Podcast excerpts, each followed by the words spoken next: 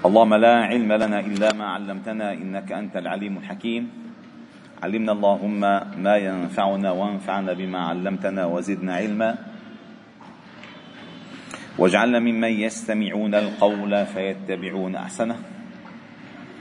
وأدخلنا برحمتك في عبادك الصالحين. ربنا اشرح لنا صدورنا ويسر لنا أمورنا. واحلل عقد ألسنتنا ليفقه الناس قولنا. ربنا آتنا من لدنك رحمة وهيئ لنا من أمرنا رشدا. ربنا آتنا من لدنك رحمة وهيئ لنا من أمرنا مرفقا. ربنا آتنا من لدنك رحمة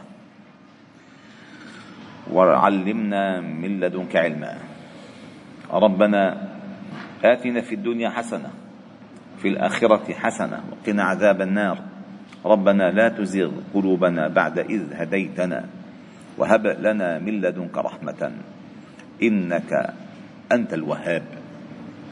ربنا آمنا بما أنزلت واتبعنا الرسول فاكتبنا مع الشاهدين. ربنا اغفر لنا ولإخواننا الذين سبقونا بالإيمان ولا تجعل في قلوبنا غلا للذين آمنوا. ربنا إنك رؤوف رحيم. وبعد. أيها الأحباب الكرام لا نزال معكم في قراءة هذا السفر المبارك المسمى الشفاء بتعريف حقوق المصطفى صلى الله عليه وسلم للإمام أبي الفضل القاضي عياض رحمه الله تعالى وهذا مجلسنا الثالث والأربعون بعون الله تعالى وتوفيقه ومدده. قال المؤلف رحمه الله تعالى الباب الثاني في لزوم محبته عليه السلام وقد قرأناه. وصلنا إلى قوله فصل في ثواب محبته صلى الله عليه وسلم. ومحور هذا الباب على الحديث أنه لا يؤمن أحدكم حتى أكون أحب إليه من ولده ووالده والناس أجمعين.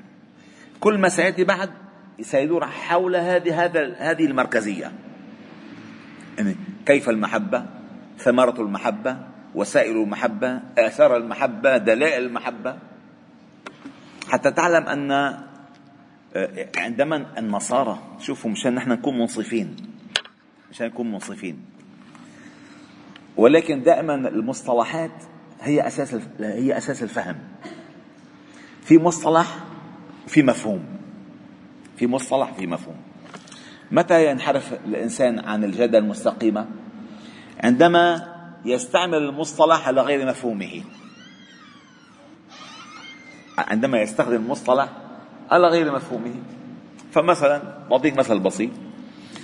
آه، عندما يقال عن الربا ربا هذا مصطلح ولا مفهوم؟ مصطلح. ما مفهومه؟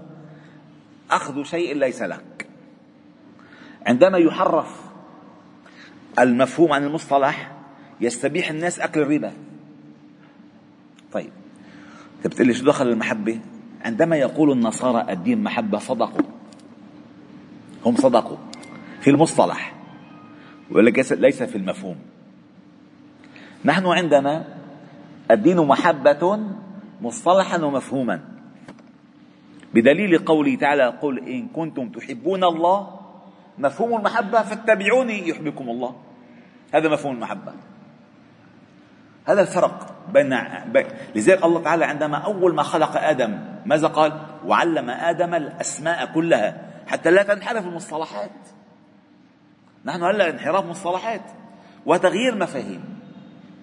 الآن الإمام آه، أبو الفضل القاضي عياض يريد أن يركز لك المصطلح مع كل مفاهيمه. حتى لا تخرج عن عن الجادة المستقيمة فتجد نفسك في ضلال. هلا من يختلف؟ على أن الصحابة الكرام كانوا يحبون وسلم محبة ليس كمثلها أحد. الكفار شهدوا بذلك. طيب كيف النبي صلى الله عليه وسلم يقول لهم لا تطروني كما أطرت النصارى والمسيح ابن مريم؟ لأن المصطلح عندهم كان ضمن مفاهيم. المفاهيم عندما أتى رجل إلى وسلم يقول قال له ما شاء الله وشئت. وإن كان قصده حسنا. ليش هو عنه شافوا شافوا غير شكل. فقال أجعلتني الله ندا؟ فهو صحح له المفهوم.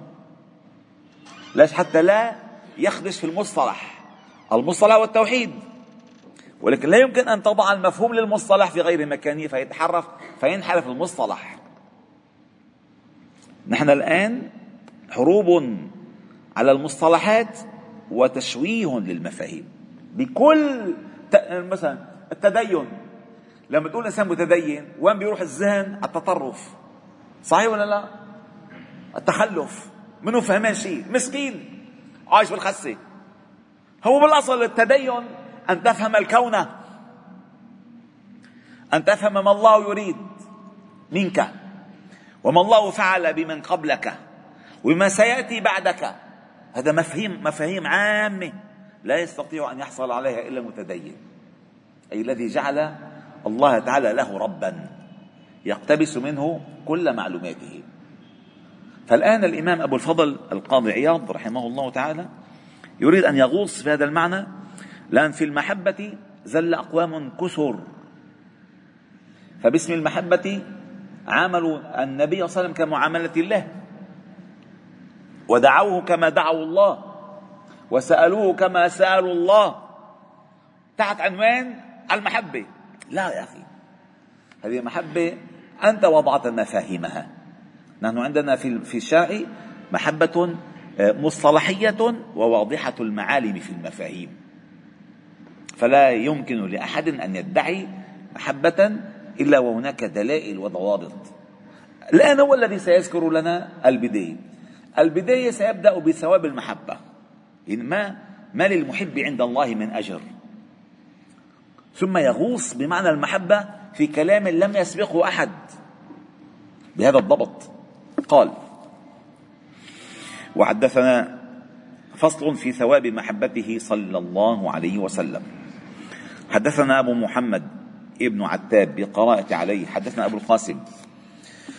حاتم بن محمد حاتم حدثنا أبو الحسن علي بن خلف علي بن خلف حدثنا أبو زيد المروزي حدثنا محمد بن يوسف حدثنا محمد بن إسماعيل حدثنا عبدان حدثنا أبي حدثنا شعبة شعبة عن عمرو بن مرة عن سالم بن أبي بن الجعد عن أنس رضي الله عنه أن رجلا أتى النبي صلى الله عليه وسلم فقال متى الساعة؟ متى الساعة؟ يا رسول الله قال ما أعددت لها. وهذا في في الأساليب الذي يجاوب عن السؤال بسؤال. وفي كتاب ألفه الشيخ رحمه الله تعالى عبد الفتاح أبو غدة كتاب جميل جدا اسمه أساليب النبي وسلم في التعليم. من أجمل ما ستقرؤونه لو قرأتموه. كتاب جميل جدا. كيف النبي وسلم علم الناس. رائع الكتاب. فالمهم فسأله سؤالا متى الساعة؟ فجاوبه بسؤال قال ما أعددت لها؟ هذا يسمى جواب بالسؤال وهناك جواب للسؤال بأكثر مما سأل السائل. وقد بوب عليه البخاري عندما قال على على الطهور ماؤه والحل ميتته. فسأل فجاوب أكثر مما سأل السائل. هذا أول كتاب العلم في صحيح البخاري. المهم قال ما عددت لها؟ قال ما عددت لها من كثير صلاة ولا صوم ولا صدقة ولكني أحب الله ورسوله. قال أنت مع من أحببت؟ فلا تسأل عن الساعة. هذا معنى الكلام. لأنه الساعة الإنسان يشفق يشفق منها. والذين هم من الساعة مشفقون. ما هيك؟ طيب إذا أنت سألت عن الساعة سؤال إشفاق سؤال خوف أن تبغتك وأن تدركك أنت ماذا أعددت لها؟ قال ما عندي بضاعة كثير ولكن أحب الله ورسوله. قال لا تخشى لا تخشى شيئا. أنت مع من أحببته هذا هذا الجواب بأروع بأروع أسلوب. أنت مع من احببته الله أكبر. لذلك أحد أحد الطلاب سأل شيخه سؤالا في القضاء والقدر. بتعرفوا باب القضاء والقدر هو من أهم علوم التوحيد. حتى قال ابن عباس القدر نظام التوحيد. النظام هذا اسمه النظام. شفتوا الحبلة اللي بتنتظم الحبات حوله. كل هذه مسائل الدين مسائل العقائد. القدر هو نظام الذي تنتظم حوله حبات عقد التوحيد. فإذا انخرم الحبل فرفضت المسحة كلها القدر نظام التوحيد. فسأله قال يا شيخنا الجليل يا شيخنا الحبيب. أنت أكيد يا شيخنا الحبيب. قال له ما, ما حيلة الإنسان؟ والأقدار ترميه من كل جانب وهو لا يعلم. ما حيلة الإنسان؟ فقال كن بجانب الرامي وين روح؟ يعني كن اقترب من الرامي ولا تضرك الأقدار. فسلم له. سلم الأمر إليه واتكل دوما عليه. سلم. واسجد وقع اقترب قال لكم خليك قريب من الرامي شو تخسر شو تخسر ما أنت قريب من الرامي والذي يقول من الله تعالى هل يعني يخزيه؟ الله الله أكبر. لا أضام. وأنت أرحم الراحمين. إن لم يكن بك غضب علي فلا أبالي. فكل ليتك تحلو والحياة مريرة وليتك ترضى والأنام غضاب وليت الذي بيني وبينك عامر وبيني وبين العامر خراب. إذا صح منك الود فالكل هين وكل الذي فوق التراب تراب. هذا الأصل. هذا أن تفهم التوحيد هيك. أن تفهم التوحيد أي توحيد الله العليم القدير الرؤوف الملك قوي الجبار فكل ما يأتي منه تذكر صفاته وأسماءه. فترتاح. فقال ما عددت له قال أنت مع من احببته اطمئن. وعن صفوان بن قدامة قال هاجرت إلى النبي صلى الله عليه وسلم فأتيته فقلت يا رسول الله ناولني يدك أبايعك. فناولني يده فقلت يا رسول الله إني أحبك. فقال المرء مع من أحب؟ اطمئن. إذا كنت تحبني حقا فأنت معي. وروى هذا اللفظ عن النبي صلى الله عليه وسلم عبد الله بن مسعود كذلك وأبو موسى وأنس وعن أبي وعن أبي ذر بمعناه كذلك وعن علي أن النبي صلى وسلم أخذ بيد حسن وحسين قال فقال من أحبني وأحب هذين وأباهما وأمهما كان معي في دراجة يوم القيامة. وروي أن رجلا أتى النبي صلى الله عليه وسلم فقال يا رسول الله لأنت أحب إلي من أهلي ومالي.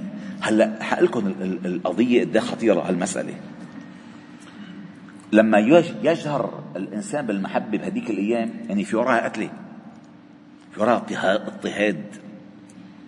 اضطهاد يعني لما بيجي واحد بيقول له أنا بحبك يعني في قتله لذلك لما هلأ يمر معنا هذا الصحابي اللي سأله سفيان أتتمنى أن تكون في بيتك وبين أهلك؟ آه، والنبي صلى يصار إليه؟ قال لا أتمنى أن أكون يمس بشوكه واحدة شوكه واحدة فهون المحبة يعني في قتله فادعاء المحبه ليس كان كادعاء كان حقيقة. لما يقول أحبك أكثر من نفسي يعني حقيقة يحبه. فقال له يا رسول الله لأنت أحب إلي من أهلي ومالي وإني لأذكرك فما أصبر حتى أجيء أنظر فأنظر إليك. الله الله. وإني ذكرت موتي وموتك. أحب ما شئت فإنك ميت ما هيك وأنك مفارق. فعرفت أنك إذا دخلت الجنة رفعت مع النبيين. وإن دخلت؟ لا أراك إذا أنت فوق. في اي بي أنا أنا تحت مع المساكين فأنزل الله تعالى ومن يطع الله والرسول فأولئك مع الذين أنعم الله عليهم من النبيين. أي مع النبيين. والصديقين والشهداء والصالحين وحسن أولئك رفيقا. فدعا به فقرأها عليه. الله الله. رجعنا منهم. وفي حديث آخر كان الرجل صلى الله عليه وسلم ينظر إليه لا لا يطرف. هناك. لا يطرف. فقال بأبي وأمي أتمتع من النظر إليك. فإذا كان يوم القيامة رفعك الله بتفضيله فأنزل الله هذه الآية. رواية وفي حديث أنس قال من أحبني كان معي في الجنة. فصل فيما روي عن السلف والأئمة من محبتهم للنبي صلى الله عليه وسلم وشوقهم له. الله الله. هم من عاشروه يعني واقتدوا به. سيبدأ الآن بالصحابة ثم من بعد من بعدهم. قال حدثنا القاضي الشهيد بن أبو علي الصدفي. حدثنا العزري وحدثنا الرازي وحدثنا الجلودي وحدثنا ابن سفيان حدثنا مسلم حدثنا قتيبة وحدثنا يعقوب بن عبد الرحمن عن السهيل عن أبيه عن أبي هريرة قال أن النبي صلى الله عليه وسلم قال اللهم اجعلنا منهم يا رب العالمين. من أشد أمتي لي حبا ناس يكونون بعدي يود أحدهم لو رآني بأهله وماله. الله أكبر. يعني إذا قالوا لك هلا بتشوفوا طرفة تتخلى عن كل شيء. آخر الزمن سيكون من هؤلاء صادقين ومثل عن أبي ذر. وقد قدم حديث عمر وقوله صلى الله عليه وسلم لأنت أحب إلي من نفسي وما تقدم الصحابة في مثله. وعن عمرو بن عاصم عنه قال ما كان أحد أحب إلي من الرسول صلى الله عليه وسلم. الله الله. وعن عبدة بنت خالد بن معدان قالت كان خالد أي بن معدان تابعي كان خالد يأوي إلى فراش. ما كان خالد يأوي إلى فراش إلا وهو يذكر من شوقه إلى النبي صلى الله عليه وسلم وإلى أصحابه من المهاجرين والأنصار. يسميهم يقول هم أصلي وفصلي وإليهم يحن قلبي. طال شوقي إليهم فعجل ربي قبضي إليك حتى يغلبه النوم. وروي عن أبي بكر اللهم ارضى عنه أنه قال صلى وسلم والذي بعثك بالحق لإسلام أبي طالب كان أقر لعيني من إسلام أبي قحافة أبوه. ليش؟ قال وذلك أن إسلام ابن أبي طالب كان أقر لعينك. يعني كان هذا الشيء يبسطك فأنا أحب ما ما تحبه أنت. مع أنه أبوه أبو قحافة أبوه. يعني لو أسلم عمك كان أحب إلي من أن يسلم أبي. لأنه يقر تقر عينك بذلك. يعني أن تحب أن تحب محبوبات من تحب. ونحوه عن عمر بن الخطاب قال للعباس أن تسلم. أحب إلي من أن يسلم الخطاب. عملوا للعباس عمه قبل قبل أن يسلم. أن تسلم أنت أحب إلي من أن يسلم الخطاب أبي. لأن ذلك أحب أحب إلى النبي صلى الله عليه وسلم. وعن ابن إسحاق أن امرأة من الأنصار قتل أبوها وأخوها وزوجها يوم أحد مع النبي صلى الله عليه وسلم العيلة كلها فقالت ما فعل رسول الله صلى الله عليه وسلم؟ أي ما الذي حدث له؟ قالوا خيرا. قال هو بحمد الله كما تحبين. قالت أرونيه حتى أنظر إليه. فلما رأته قالت كل مصيبة بعدك جلل يا رسول الله. يعني تهون المصائب بعدك. أبوه وجازة وأخوه. وسئل علي بن أبي طالب الله عنه كيف كان حبكم للنبي صلى الله عليه وسلم؟ قال والله كان والله أحب إلينا من أموالنا وأولادنا وآبائنا وأمهاتنا ومن الماء البارد على الظمأ. وعن زيد بن أسلم خرج عمر بن الخطاب ليلة يحرس الناس فرأى مصباحا في بيت وإذا عجوز تنفش صوفا تقول امرأة عجوز بالليل. قال على محمد صلاة الأبرار صلى عليه الطيبون الأخيار. قد كانت قد كن قد كنت قواما تمدحه. قد كنت قواما بكا أي بكاء. قد كنت قواما بكا بالأسحار. يا ليت شعري والمنايا أطوار. هل تجمعني وحبيبي الدار؟ تغني النبي صلى الله عليه وسلم أي تمدحه. غناء شعرا. فجلس عمر يبكي لشوقها إليه صلى الله عليه وسلم. وروي أن عبد الله بن عمر خدرت رجله يعني نملت نملت رجله. فقيل له أذكر أحب الناس إليك يزل عنك. فصاح يا محمدا فانتشرت. يعني فك التخدير عنا سبحان الله. ولما احتضر بلال رضي الله عنه نادت امرأته وحزناه فقال وطرباه غدا ألقى الأحبة محمدا وحزبه صلى الله عليه وسلم.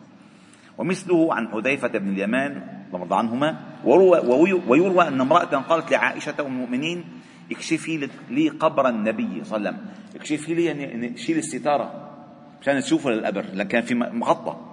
اكشفي لي قبر بيطلع عليه. اكشفي لي قبر مثلا فلما كشفته لها فبكت حتى ماتت الله الله. شوقا. ولما أخرج أهل مكة زيد بن الدسنة هذا هو. من الحرم ليقتلوه قال له أبو سفيان بن حرب أنشد أنشدك أنشدك بالله يا زيد. أتحب أن محمدا الآن عندنا مكانك. تضرب عنق وأنت في أهلك. فقال زيد والله.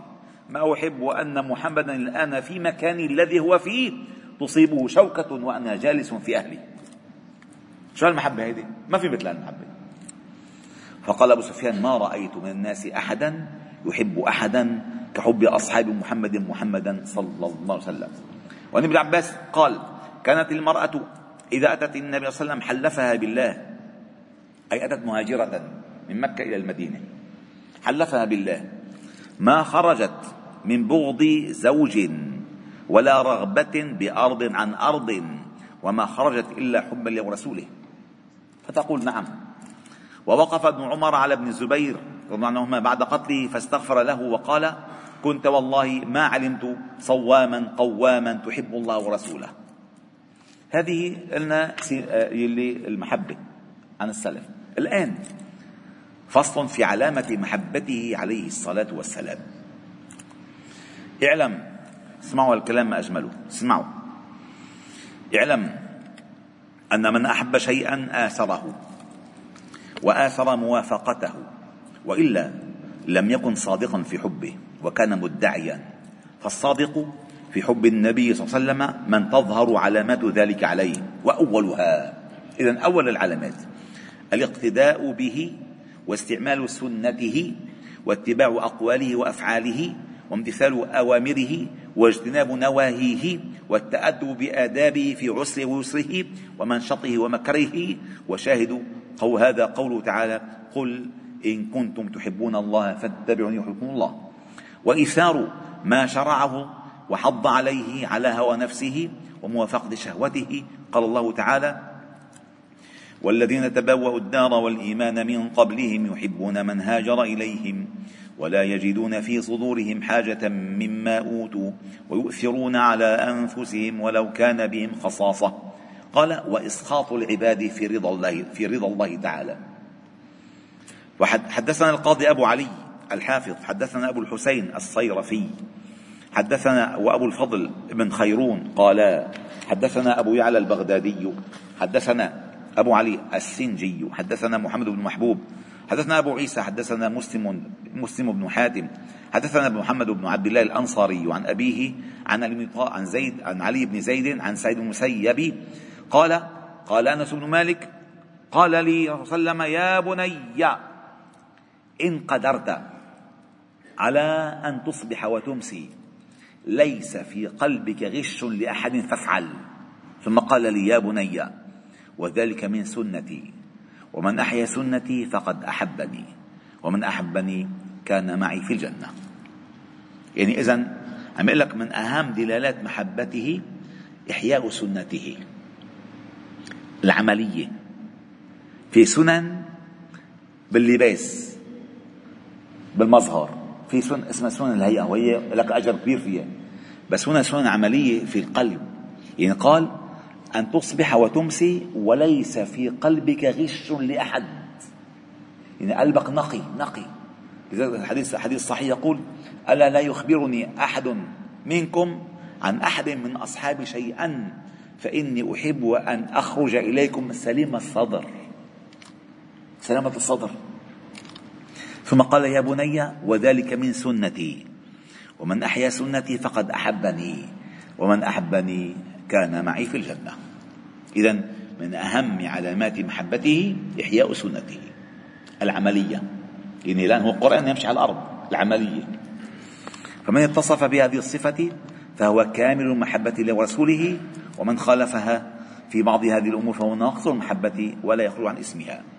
ودليل قول عليه السلام للذي حده في الخمر فلعنه بعضهم وقال ما أكثر ما يؤتى به في الخمر فقال صلى الله عليه وسلم لا تلعنه فإنه يحب الله ورسوله. سبحان الله. ومن علامة محبته صلى الله عليه وسلم كثرة ذكره له فمن أحب شيئا أكثر ذكره. صحيح. أعطيك مثل بسيط. الولد الصغير. الولد الصغير.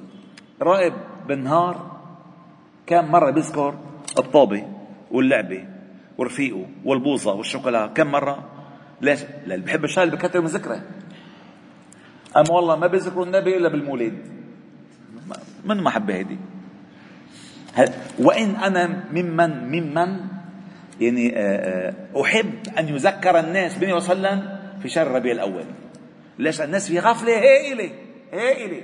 ولكن ما يجعل طقس ما عندنا طقس ما عندنا عيد ما عندنا عيد نبوي مولد نبوي عندنا.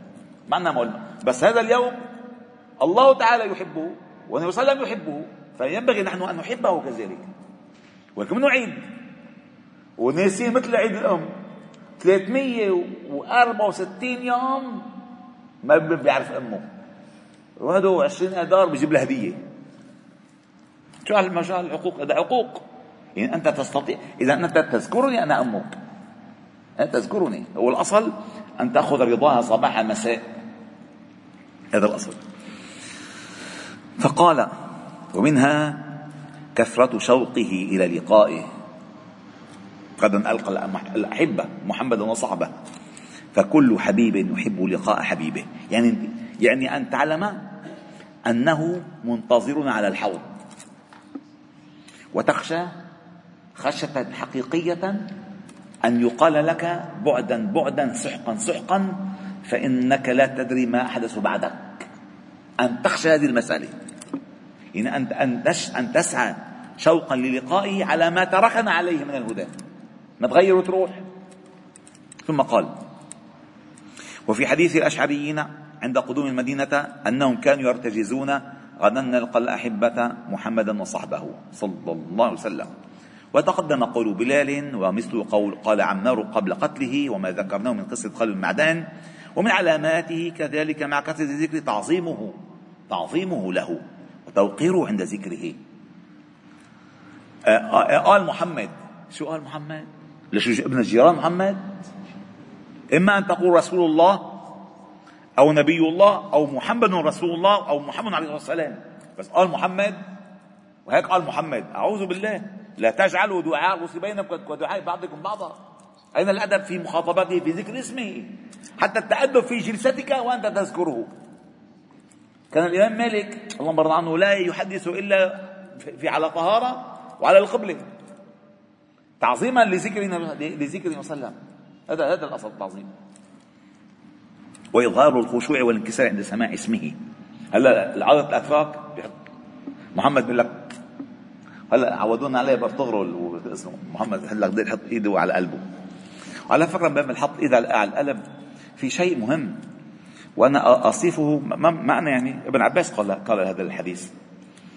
آه، في شيء بالعالم أخي الكريم اسمه فوبيا. مشهور. الفوبيا باللغة العربية اسمها رهاب. اسمها رهاب. هذا الرهاب الخوف اللا إرادي. في ناس بيخافوا من الأسانسير في في ناس بيخافوا من الرصاص في ناس بيخافوا من السيارة في ناس بيخافوا لا إرادي بيخاف.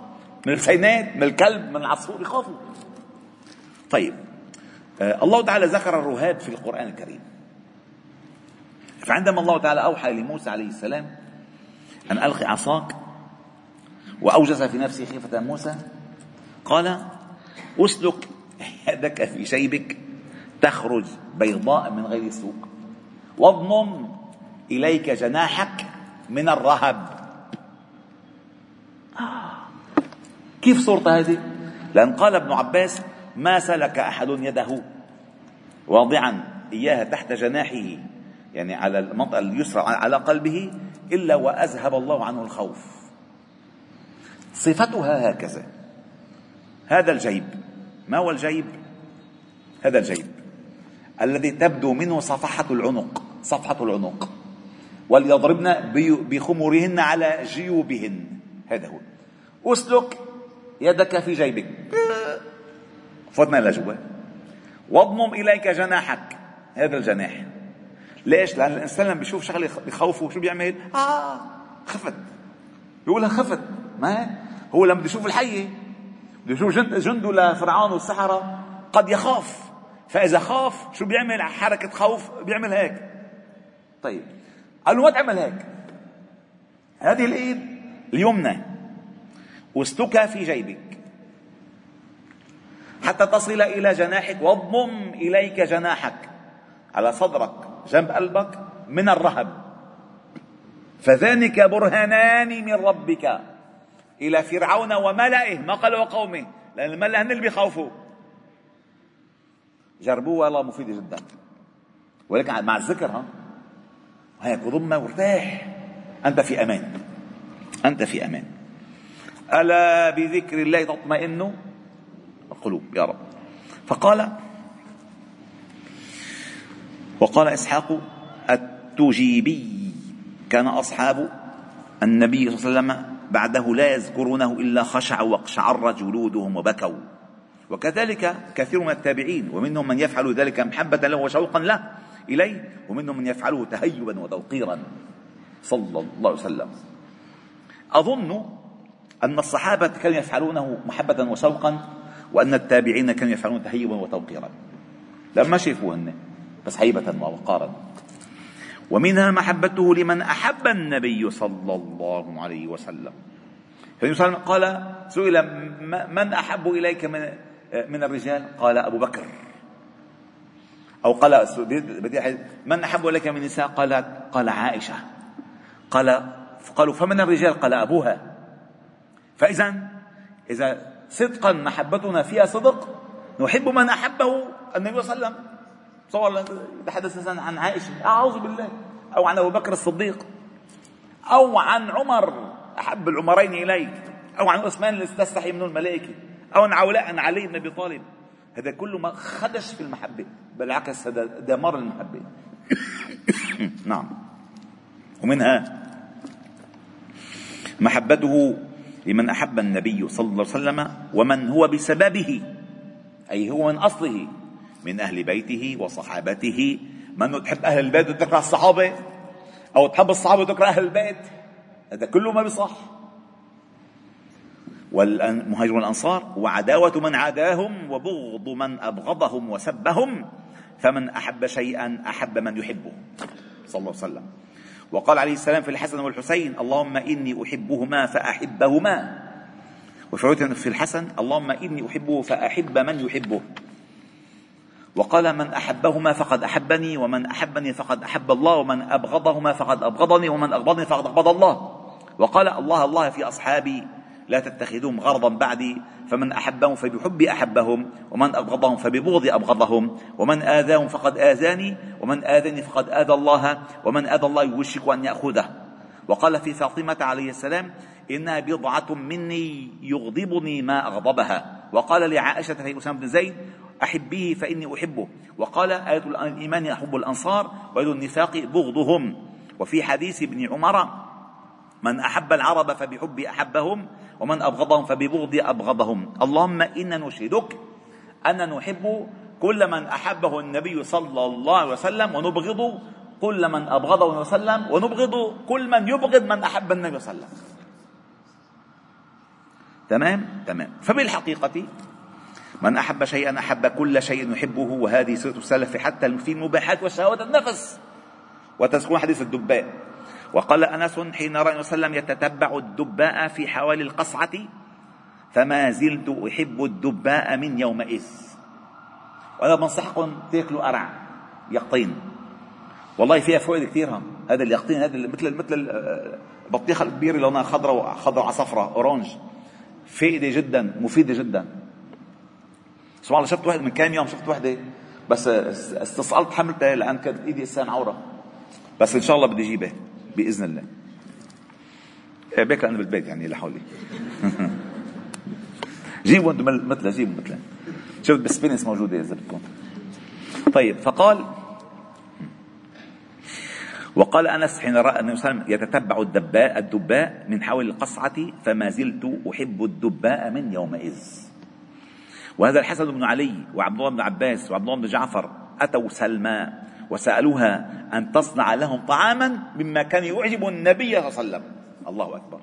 شو كان يحب وسلم هيك؟ اعملوا لنا مثله شوف المحبة قد عالية المقام.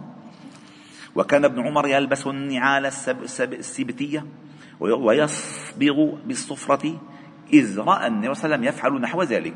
ومنها بغض من أبغض الله ورسوله ومعاداة من عاداه ومجانبة من خالف سنته وابتدع في دينه واستثقال كل أمر يخالف شريعته. قال الله تعالى لا تجد قوما يؤمنون بالله واليوم الآخر يودون من حد الله ورسوله ولو كانوا إلى آخر الايه وهؤلاء أصحاب عليه السلام قد قتلوا أحباءهم في مرضاته وقتلوا آباءهم وأبناءهم.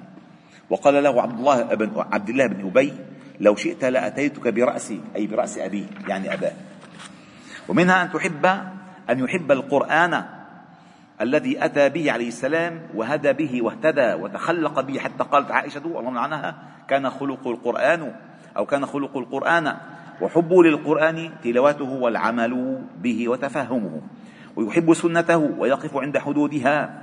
قال سهل بن عبد الله علامة حب الله حب القرآن. كلام دقيق جدا اسمعوا الكلام. قال علامة حب الله حب القرآن. وعلامة حب الله وحب القرآن حب النبي صلى الله عليه وسلم. وعلامة حب النبي صلى الله عليه وسلم حب السنة. وعلامة حب السنة حب الآخرة. وعلامة حب الآخرة بغض الدنيا. وعلامة بغض الدنيا أن لا يدخر منها إلا زادا وبلغة إلى الآخرة. هذه منهاج كامل بالعمل. منهاج بجمل خمس جمل أعطاك الطريق. وأن لو استقاموا على الطريقة لأسقيناهم ماء غدقا وقال ابن مسعود لا يسأل أحد عن نفسه إلا القرآن فإن كان يحب القرآن فهو يحب الله ورسوله. يعني شوف صفتك موجودة بالقرآن منيحة أو قبيحة. ومن علامة حبه صلى الله عليه وسلم شفقته على أمته. يعني يشفق الإنسان على أمة النبي صلى الله عليه وسلم يدعو لها دائما. ونصحه لهم وسعيه في في مصالحهم ورفع المضار عنهم. كما كان السلام بالمؤمن رؤوفا رحيما. ومن علامته تمام محبته زهد مدعيها في الدنيا وإثاره الفقر واتصافه به. وقد قال عليه الصلاة والسلام لأبي سعيد الخدري إن الفقر إلى من يحبني منكم أسرع من السيل إلى من أعلى الوادي أو الجبل إلى أسفله. وفي حديث آخر رواه الترمذي كذلك قال وفي حديث عبد الله بن مغفل قال النبي صلى الله عليه وسلم يا رسول الله إني أحبك. إذا إذا واحد أم حبيبنا قال إني أحبك. فقال انظر ما تقول. فقال والله إني أحبك. ثلاث مرات. فقال إن كنت تحبني فأعد للفقر تجفافا. إن حضر حضر حالك على البلاء. بدك تبتلى ثم ذكر نحو حديث أبي سعيد بمعناه والحمد لله رب العالمين. سبحان الله وبحمدك نشهد أن لا إله إلا أنت.